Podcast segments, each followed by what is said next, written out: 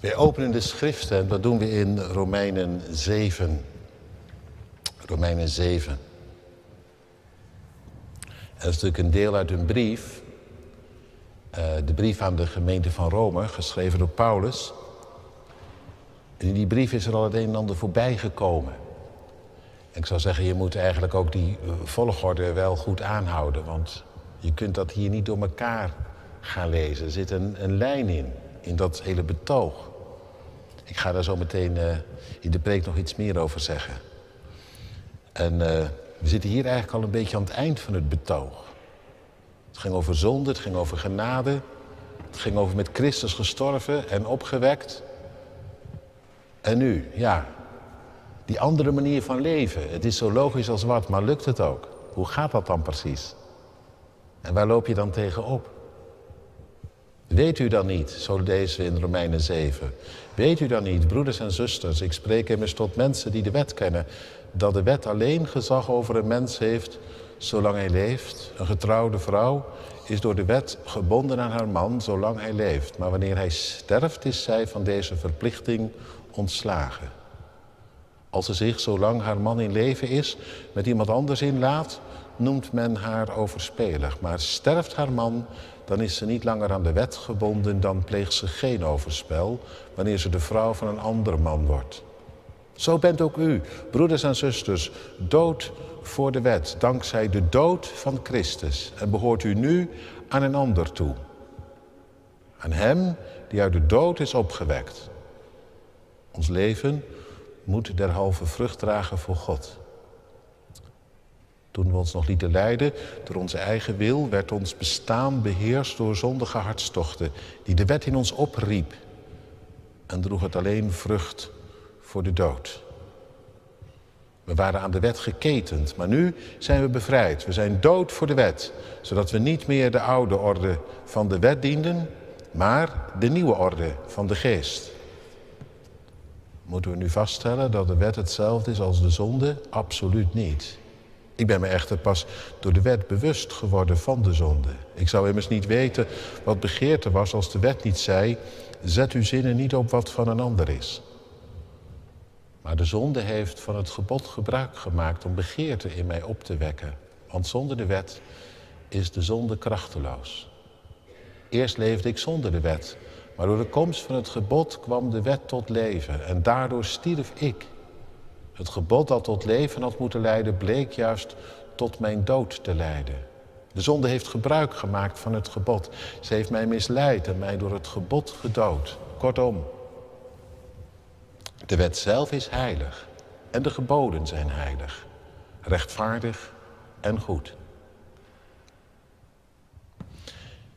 Is het dan het goede dat mij heeft gedood? Natuurlijk niet, het is de zonde. Maar om mij te doden heeft ze van het goede gebruik gemaakt. Alleen zo kon duidelijk worden wat de zonde is. Door het gebod te gebruiken laat de zonde zien hoe verderfelijk ze is. Wij weten dat de wet het werk van de geest is. Maar door mijn natuur ben ik uitgeleverd aan de zonde. Want ik, wat ik doe, doorzie ik niet. Wat ik, want ik doe niet wat ik wil. Ik doe juist wat ik haat. Maar wanneer mijn daden in strijd zijn met mijn wil, dan erken ik dat de wet goed is. Dan ben ik het niet die handelt, maar de zonde die in mij heerst. Immers, ik besef dat in mij, in mijn eigen natuur, het goede niet aanwezig is. Ik wil het goede wel, maar het goede doen kan ik niet. Want ik verlang te doen, wat ik verlang te doen, het goede, laat ik na. Wat ik wil vermijden, het kwade, dat doe ik. Maar wanneer, mijn, maar wanneer mijn daden in strijd zijn met mijn wil, ben ik daar niet zelf de oorzaak van, maar de zonde die in mij heerst. Ik ontdek in mij de wetmatigheid dat het kwade zich aan mij opdringt, ook al wil ik het goede doen.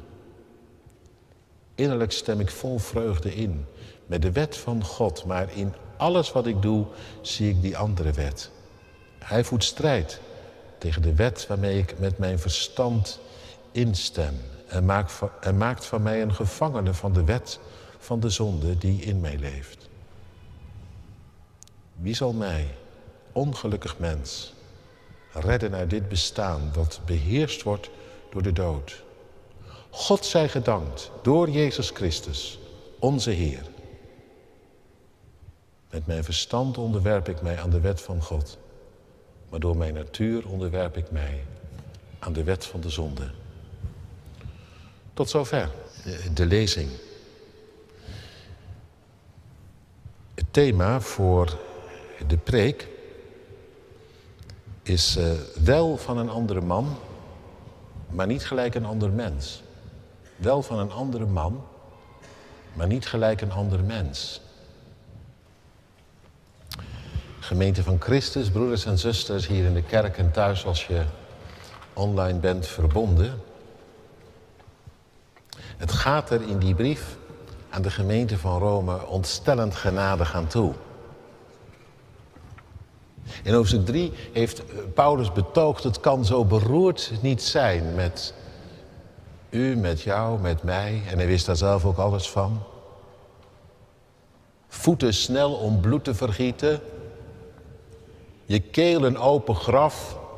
Nou ja, zo vroom als die was, was dat wel de realiteit van zijn leven geweest. Triest genoeg, dat kan dus blijkbaar samen opgaan. Godsdienst en goddeloosheid. Maar goed, het kan zo beroerd niet wezen of daar middenin klinkt één woord. Maar nu, wat er ook aan mankeert, al is alle glans eraf, al ziet God niks terug van zijn eigen heerlijkheid in jouw leven. Je hele bestaan in Christus mee aan het kruis gegaan. En dat is maar goed ook. Niks aan ons overgelaten, gewoon de dood ingejaagd. Verdoemd in Hem. En daarmee verzoend voor God. Jij, ik. Ik zou bijna zeggen, dat is wel even iets om eh, uit je dak te gaan, toch? Of niet? Je kunt toch niet met droge ogen aanhoren. Dan van, oh ja, natuurlijk. Wisten we al. Ik las van de week nog even en dat, en dat raakte me. Maar ik vond het ook wel een beetje beschamend. De liefde van God moet ons af en toe weer even helemaal overkomen. Anders gaan we het zomaar een beetje gewoon vinden, alsof het niks is. ik hoop, ik hoop dat dat, ja, kan ik ook niet maken en niet organiseren, maar ik hoop toch dat dat een beetje gebeurt vanochtend. Dat het je gewoon weer eens even overkomt. Dat goede van God, dat eindeloos genadige, waarin Hij jou en mij hebben kan.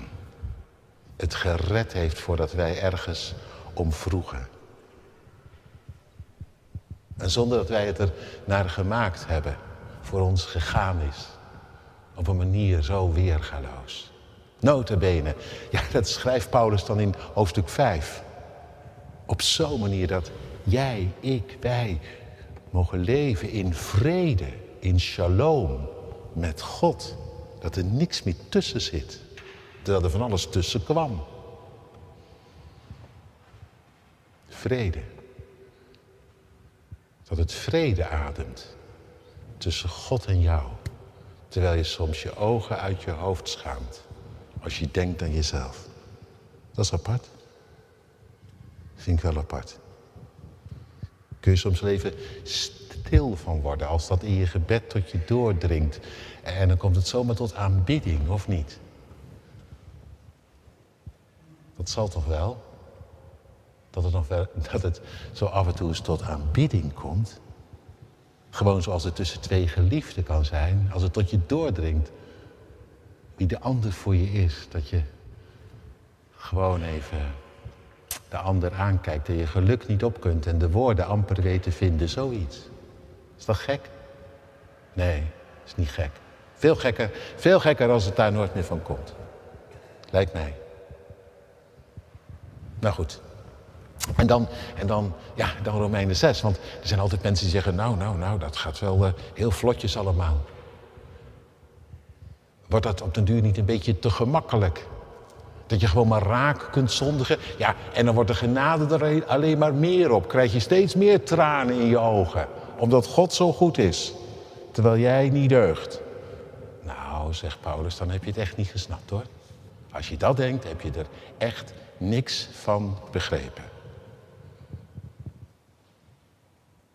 En dan betoogt hij in dat zesde hoofdstuk dit. Je weet toch wel wat er met je gebeurd is? Dat bestaan van jou in de doop, ondergedompeld in zijn dood. Met hem gestorven en dus ook met hem opgewekt.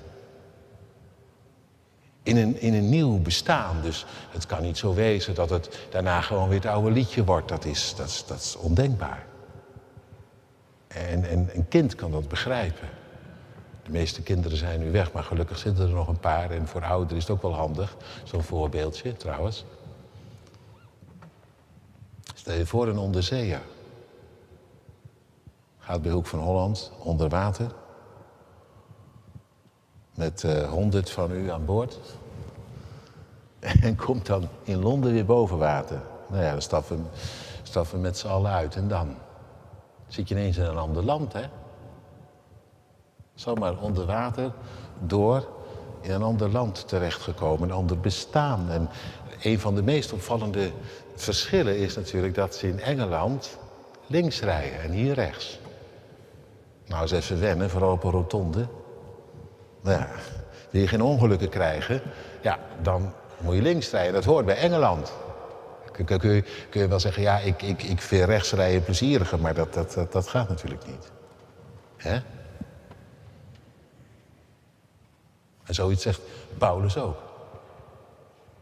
Het bestaat niet hoor, dat alles hetzelfde blijft. Als je met hem mee de dood bent ingegaan, met hem mee bent opgewekt, dan, ja, dan sta je op in een, in een ander leven, in een ander land, in het koninkrijk van God. Daar weer boven water gekomen. In Christus gered. Het oude voorbij, in hem alles nieuw geworden. Ja. Nou ja, in Engeland ligt het voor de hand. Dan ga je echt wel oefenen om links te rijden. Mocht je al een keer vergissen, dan denk je... oeh, goed dat dat goed is afgelopen. Althans, dat is te hopen. Dus ja, dat, dat went dan vanzelf na een paar weken. Dan weet je bijna niet meer beter. Maar hoe zit dat nou met u en mij? Ja, je wil wel, Tuurlijk, want je weet dat van God, dat is gaaf, dat is goed, dat is, dat is leven, dat is licht. Daar doe je elkaar ook alleen maar een plezier mee, toch? Met dat van God. Ik heb nog nooit gehoord dat wie doet wat God zoekt, wie Jezus volgt, dat die een ander daarmee beschadigt en kwaad doet. Heb u dat wel eens gehoord? Dat je daar minder van wordt en dat de ander daar tekort aan komt. Heb u dat wel eens gehoord? Ik niet. Dan kun je de hele Bijbel trouwens ook op nalezen.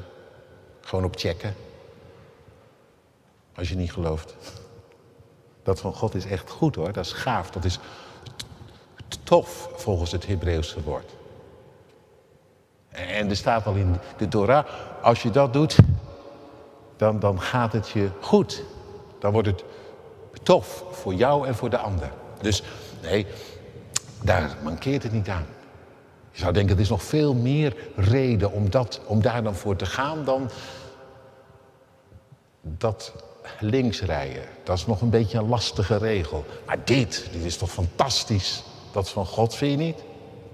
Zegt Paulus trouwens ook. De wet is wat mij betreft prima. Ik heb er zelfs plezier in, zegt hij. Als ik eraan denk, aan dat goede van Hem, dan mankeert echt niks aan. En toch valt het nog een beetje tegen als het puntje bij het paaltje komt. En daar hoef ik niet uh, heel lang over uit te wijden, lijkt mij. Dat weten we allemaal, of niet? Ik weet het tenminste wel voor mezelf. Het valt best een beetje tegen. Ik zou denken, als je er dan zo enthousiast over bent, over die wet, dat je er dan ook gewoon als vanzelf voor gaat. Maar ja, en daar gaat het dan over in dat zevende hoofdstuk. Heel lang betoog eigenlijk. Hoorde een beetje bij uh, die brief. Je zou het bijna, zo zeggen we dat vandaag, een beetje in- en uitpraten kunnen noemen. Het gaat maar door, elke keer weer een stapje verder. En je hebt soms het gevoel, het schiet niet op en zijn we, nou, zijn we er nou nog mee bezig? Dus ik ga ook niet met u dat hele betoog zeg maar, langs, maar wel de hoofdlijn eruit even op laten lichten. Want dat is wel een sprekende, herkenbare ook. Ik vind hem wel treffend eigenlijk, hoe Paulus het hier aanpakt. In dit zevende hoofdstuk. En daarmee komt hij heel dichtbij, bij jou, bij mij. Het gaat gewoon over ons. Als je misschien al, al lezend en luistert even dacht, waar gaat dit over? Wat moet ik ermee? Nou, het gaat gewoon over jou en over mij hier. Echt. Hij gebruikt even een beeld, dat van een vrouw die getrouwd is. Hij zegt, zo was het. Getrouwd met een man en die meneer heette de wet.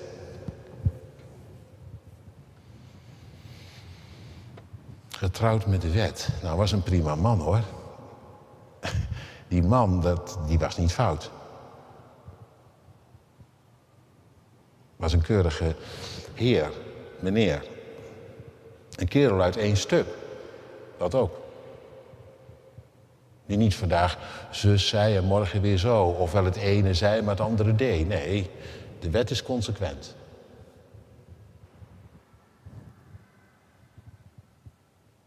Je zal ermee getrouwd zijn. Even denk je, nou, fantastisch. Maar ja, ook wel lastig. Zo'n consequente meneer. Zoals die wet dan was. Want, want die wet is van de puntjes op de i, hè? En niet een beetje uh, zo-zo, half-half. De wet is van heldere regels en klare taal. En niet van dubieus gedrag.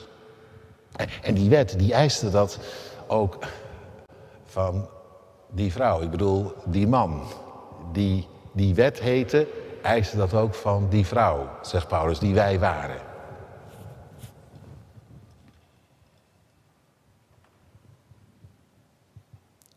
Het klopte, het deugde. Vers 12 vat Paulus even, even samen.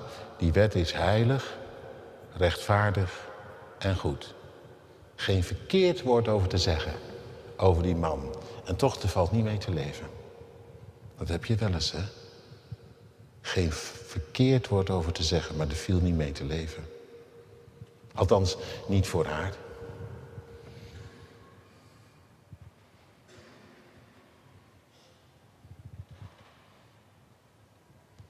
Want, want door, zijn consequente uh, gedrag, kritiek, oordeel, werd zij getriggerd om dwars te gaan liggen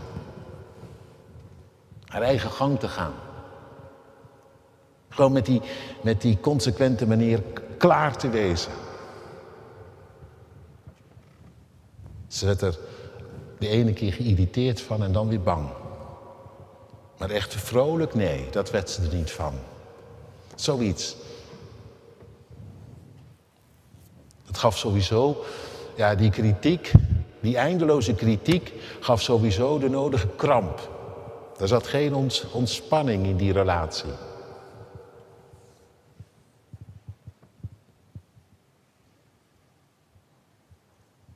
En ja, als ze al meeging in wat hij dan van haar eiste, dan was het nooit van harte. En dat voelde, de, dat voelde die man. Want die vroeg de liefde van haar hart helemaal. Ge zult de Heer uw God liefhebben met heel uw hart, heel uw ziel, al uw vermogen. En u naast als uzelf. Nou ja, wacht even zeg, is nou nog niet goed? Nee.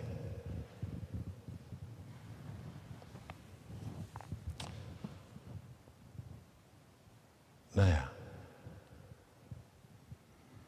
Je kunt het wel raden. In zo'n relatie schiet je voor je gevoel aan alle kanten tekort.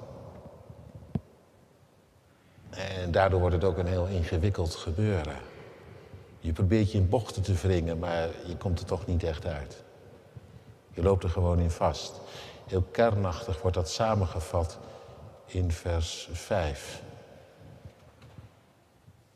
Toen we ons nog niet te leiden door de wet en door onze eigen wil, die gingen eh, zeg maar, samen op, werd ons bestaan beheerst door zondige hartstochten die de wet in ons opriep. Het triggerde gewoon. Precies tot het omgekeerde. En het droeg alleen maar vrucht voor de dood. Er zat helemaal geen muziek en leven in. We waren geketend aan de wet. Nou zeg, kan die man nog zo goed zijn, zo van afstand, maar als je dan geketend zit, dat is niet best. Dat voelt niet goed. Maar ja, zegt Paulus, zolang die man dan leeft, kom je er niet van los. En ja, met een ander in zee gaan, nee, dat schiet dan ook niet op. Dat heet dan overspel. Daar word je niet mooier en beter van. Misschien voel je wel dan even vrij, maar veel beter wordt het daar niet van. Als je op eigen manier gewoon gaat voor je vrijheid, en dat weten we vandaag natuurlijk ook. Als je God, zijn woord, zijn wet afdankt, gewoon meer niet dan dat. Dan voelt dat best, zeker als het, be, eh, als het uh, beklemmend functioneert, dan voelt dat even vrij. Maar, maar word jij daar dan een beter mens van? Door je alleen maar daarvan van los te maken. En met andere dingen, machten, krachten in zee te gaan. Raak jij dan vanzelf los van het kwaad, anders gezegd? Is dat de oplossing? Nee. Nee, ik denk het niet. Wat dan wel? Nou, zegt Paulus, en dat is prachtig, hè? In, in, in, in vers 4. Er is wat anders gebeurd. Die man, ja, gestorven is hij. Ja, dan ben je echt vrij. Die man gestorven is hij. Wanneer? Nou, toen en daar, in Jezus. De mond gesnoerd voor goed. In de kruisiging van Jezus. Voor goed het zwijgen opgelegd. Niet meer gebonden aan die wet. Aan dat oordelende, dat kritische. Integendeel, en jij, jij ging, ja, en dan haalt uh, Paulus de dingen even bij elkaar. Jij ging ook met Jezus mee de dood in. Die relatie die er was, die is voorbij. En, en nu, nu, ben je, nu ben je van een ander geworden die het voor je opnam. Die in liefde voor je ging. Van een ander. Niet langer van de wet, daarmee getrouwd, maar van Christus. Door hem bemind. Getrouwd, ja. Zoals we zongen. Een milde bruidstijd gaat beginnen. Zo was het trouwens altijd de bedoeling geweest. Want dat lied wat we zongen, dat is berijming van wat de profeet Hosea zei en zong. God had het altijd al op zijn hart gehad. Niet de wet als een harde man, maar hij zelf, Abba, met een hart. Uw maker, uw schepper is uw man. Maar ja, ze hadden, er, ze hadden het niet gesnapt. En toen was die wet, ja, die was het toen geworden. Met alle ellende van dien, daar ga ik nu verder niet op in. Maar nu van een ander. Laat het eens tot je doordringen. Niet langer getrouwd met die wet, prima, maar toch, daar word je niet vrolijk van. Maar nu van een ander, van Christus.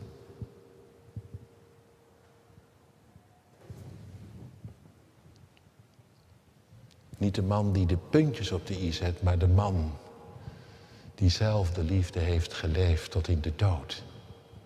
En die jou hebben kan, zoals je bent om te beginnen.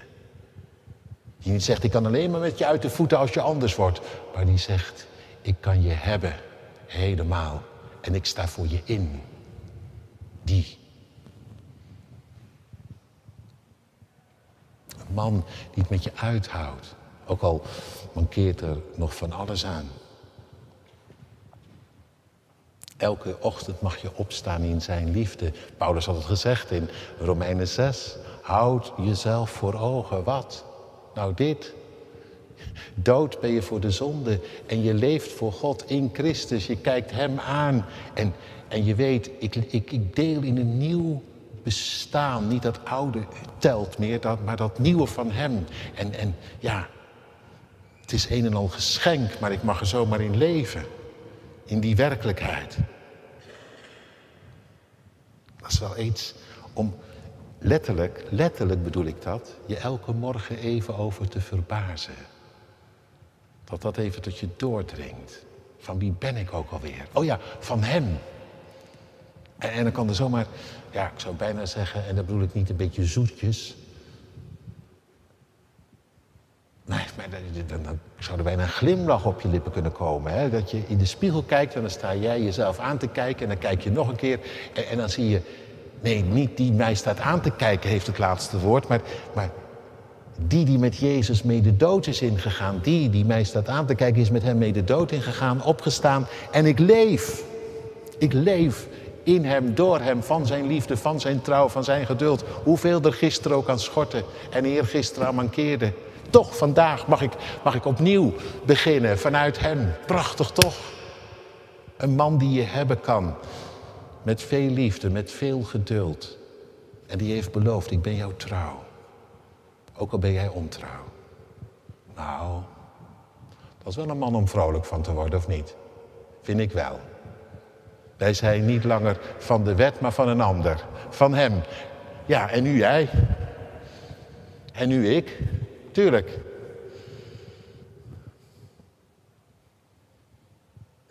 Nou, wat dan? Nou ja, dan zul jij natuurlijk ook anders zijn. Dan word je toch een ander mens van. Ja, met dat je van een ander bent, een ander mens. Nou ja, dat, dat, dat is dan nog even gedoe. En daar heeft Paulus het in het vervolg over. Is het goede, hoe zit het dan met dat goede doen?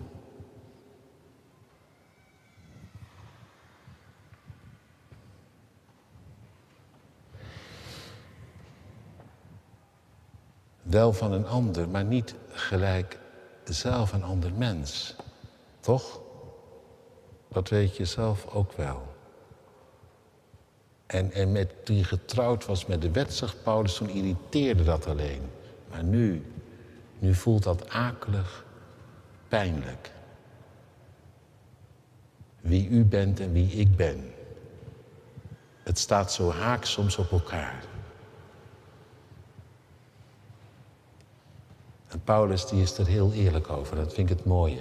Het is geen dominee, vind ik, die ooit zo eerlijk is geweest als Paulus. Want dominees die doen nog alles alsof zij het onder de knie hebben. Dat ze preken. Maar Paulus zegt, wat ik eh, schrijf, dat is mijn eigen leven. Dat schrijf ik niet alleen voor jullie. Dat is ook waar, uh, daarin gaat het ook over mezelf. En hij begint ineens echt helemaal te praten in de ik-vorm. In het vervolg.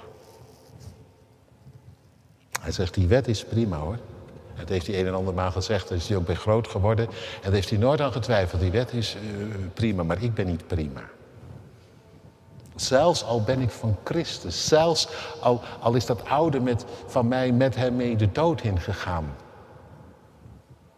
En ben ik met hem mee opgestaan en, en kan ik mezelf met een glimlach morgens aankijken, in vrede met God dan nog. Je zou denken, nou dat gaat vanzelf dan lopen. Nou dus niet.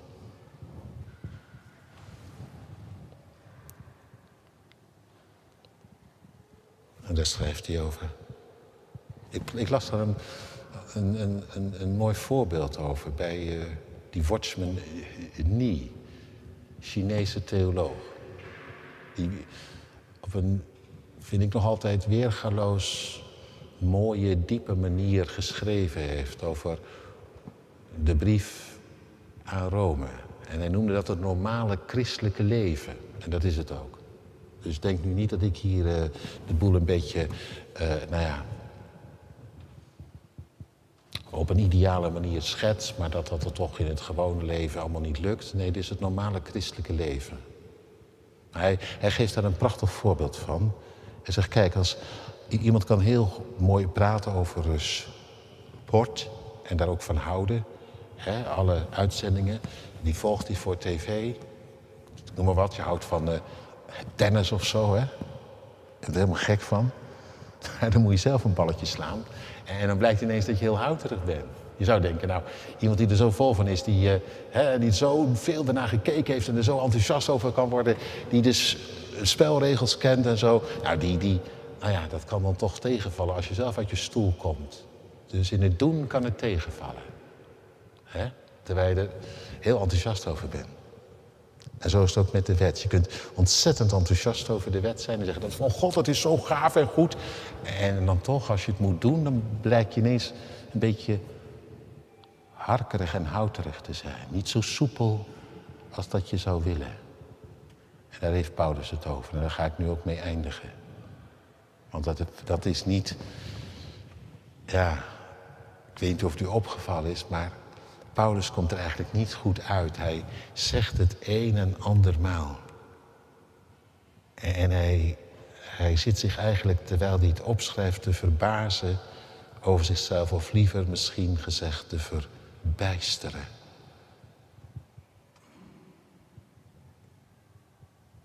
Hij wordt er niet vrolijk van.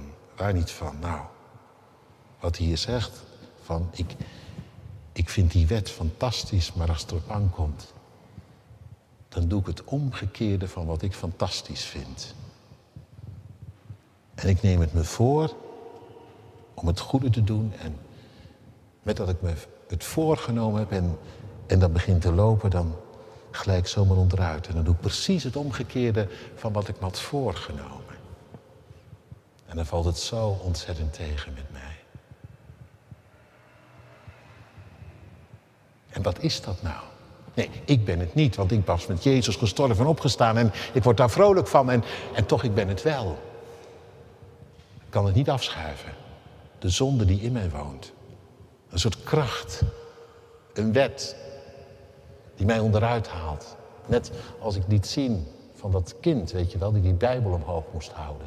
Ja, haalt het wel even, maar op de lange duur valt het uit handen.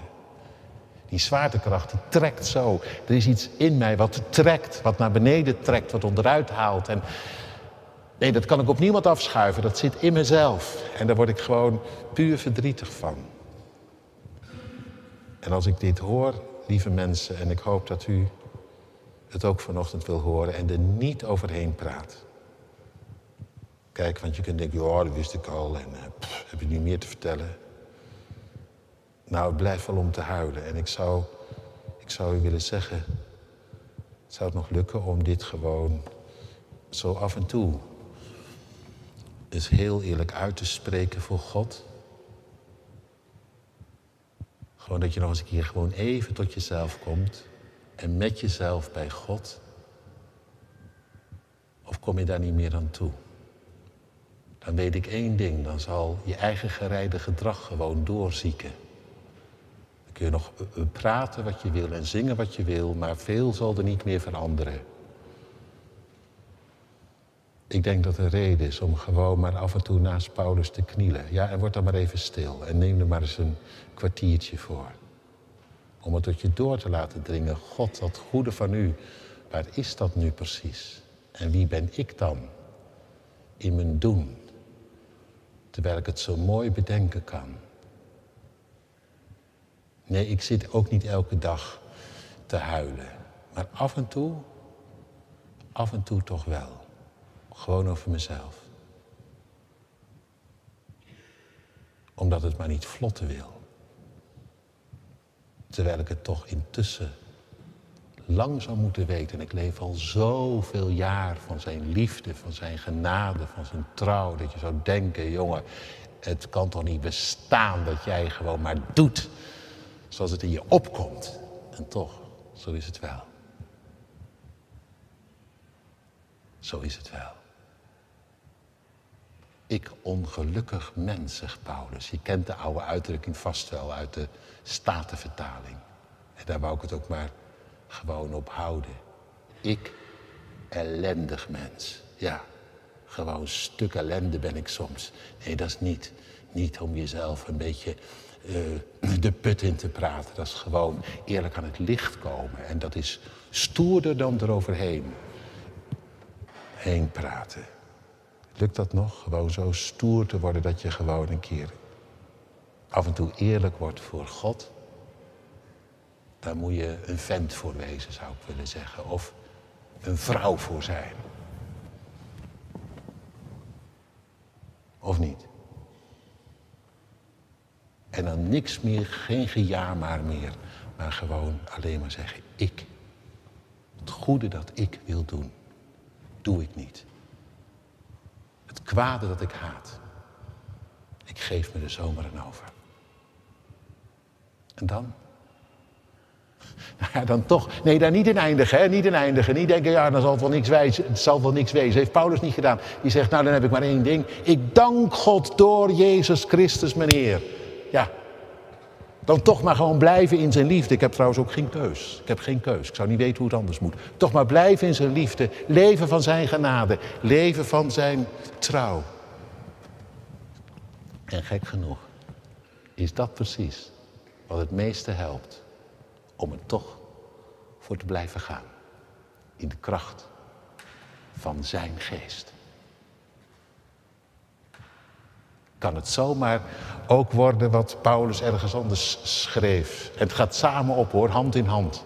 Ik krijg het ook niet bij elkaar, maar het gaat in je leven samen op. Niet meer ik leef, maar Christus leeft in mij. God lof.